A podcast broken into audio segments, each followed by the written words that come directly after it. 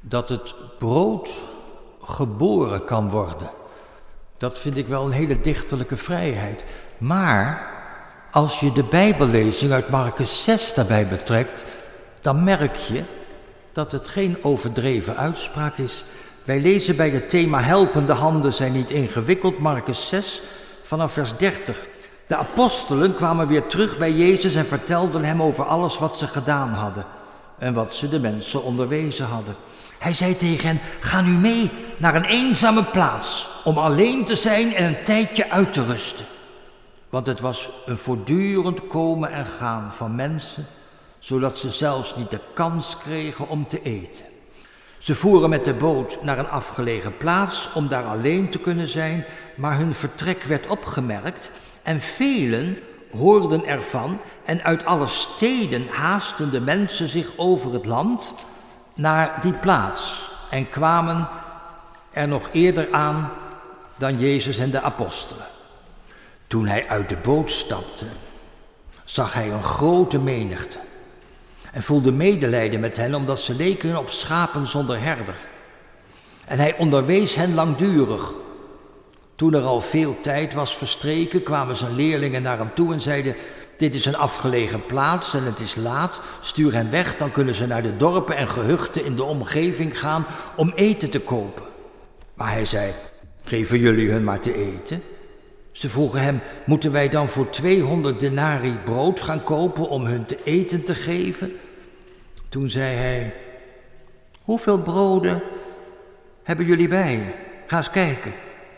En nadat ze waren gaan kijken wat ze bij zich hadden, zeiden ze vijf broden en twee vissen.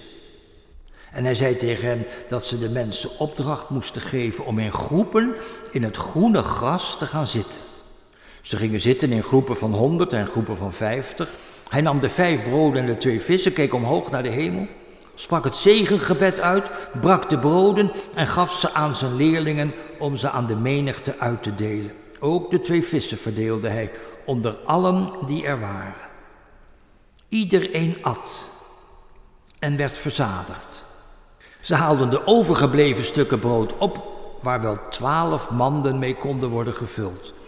En ook wat er over was van de vissen. Vijfduizend mensen hadden van de broden gegeten. Het is een bekend verhaal. De meeste mensen weten van Jezus wel dat hij miraculeuze dingen kon doen. Iemand vertelt me dat Jezus niets tekort kwam, want Jezus hoefde maar met zijn vingers te knippen en brood en vis lagen voor hem klaar, gebakken en gesneden en al. Als we goed lezen in dit stukje van Marcus, gaat het niet om kunstjes van Jezus om een lui lekker landleven te krijgen voor zichzelf. Het gaat om gastvrijheid en zorgzaamheid voor zoveel andere mensen. Ik moet denken aan een vrouw van middelbare leeftijd. Haar gezondheid nam opeens snel af. Ze moest vervoegd afscheid nemen van het werk in de klas op school. Ze raakte aan huis gebonden, kreeg een spraakcomputer en moest op het laatst naar een hospice. Ze was te moe voor een gesprek via de spraakcomputer. Ik vertelde dat we op de startzondag de vraag hadden gesteld aan gemeenteleden: wat vind je het mooiste verhaal uit de Bijbel? En dat vraag ik jou nu ook, zei ik. Wat vind jij het mooiste verhaal uit de Bijbel? En toen, nauwelijks verstaanbaar, zei ze indringend en zo hard als ze kon over de vijf broden en de twee vissen. En dan ontrolt zich een gesprek dat er voor iedereen plaats is, dat het gaat om gastvrijheid en zorgzaamheid en dat dit de sfeer van Gods koninkrijk zo treffend illustreert. Begrijpt u dat ik dit Bijbelverhaal over de vijf broden en de twee vissen niet meer kan lezen zonder aan dit gesprek te denken? Dan ben je zo zwak en ziek en dan komt dit verhaal bij je boven. Begrijpt u dat ik het sterk vind dat dit soort dingen in de kerk kunnen gebeuren. Dat je zomaar tot gesprekken komt met kwetsbare mensen die hun houvast vinden in bijbelse verhalen. De inleiding van dit Bijbelverhaal is ook zo menselijk. Het is druk en Jezus wil rust hebben. Hij trekt zich even terug.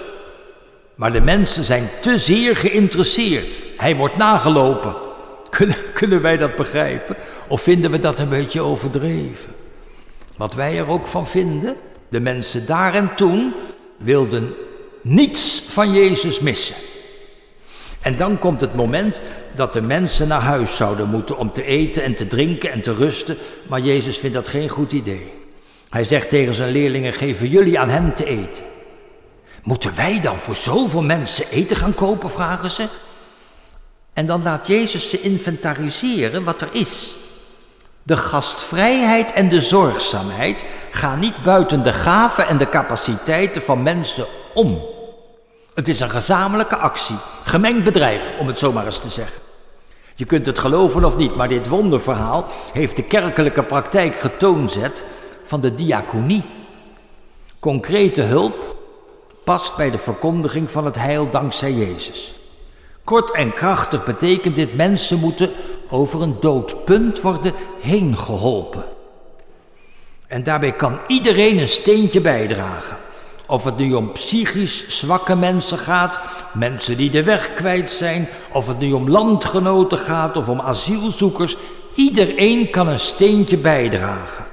Daar hoef je niet rijk of geleerd voor te zijn, helpende handen zijn niet ingewikkeld. Over diaconie gesproken, de diaconie komt ten diepste voort uit de avondmaalsviering. Dat Jezus zijn leven geeft, zich inzet als goede herder voor zijn schapen. Dit geheimenis is groot. Vooral als we erop letten wat Jezus zelf daarvan zegt. Niemand neemt mijn leven, zegt hij, ik geef het zelf. Ik ben vrij om het te geven en om het weer terug te nemen. Dat is de opdracht die ik van mijn vader heb gekregen. Hier hoor je het kruis van Christus en de opstanding rond het lege graf in de tuin van Arimathea in één zin. Het levensgeheim van Jezus komt in dit ene vers van Johannes 10, vers 18 zo treffend in beeld. Niemand neemt mijn leven, ik geef het zelf, ik ben vrij om het te geven en om het weer terug te nemen. Dat is de opdracht die ik van mijn vader heb gekregen. Uiteindelijk komt dit allemaal samen in die broodvermenigvuldiging. Dat zoveel mensen zorgzaamheid voelen rondom Jezus.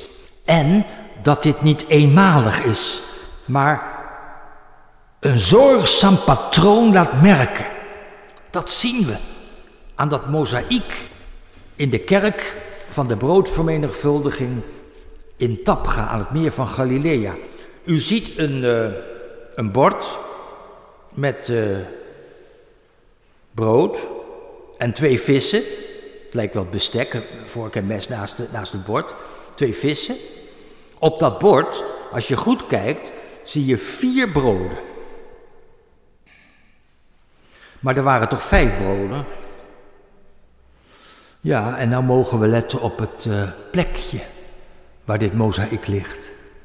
In de kerk bij Tapga, onder de avondmaalstafel. Het vijfde brood wordt gebroken en gedeeld in Christus naam. Neem, eet, gedenkt en geloof dat het lichaam van Christus is gegeven tot verzoening van al onze zonden. Voel je hoe dit mozaïek een voortgaande verkondiging stimuleert? Zo gaat het verhaal over de broodvermenigvuldiging, over Jezus als de goede herder, die zorgzaam en gastvrij alle mensen onbelemmerd het heil gunt voor tijd en eeuwigheid. En ondertussen laat hij merken helpende handen zijn niet ingewikkeld.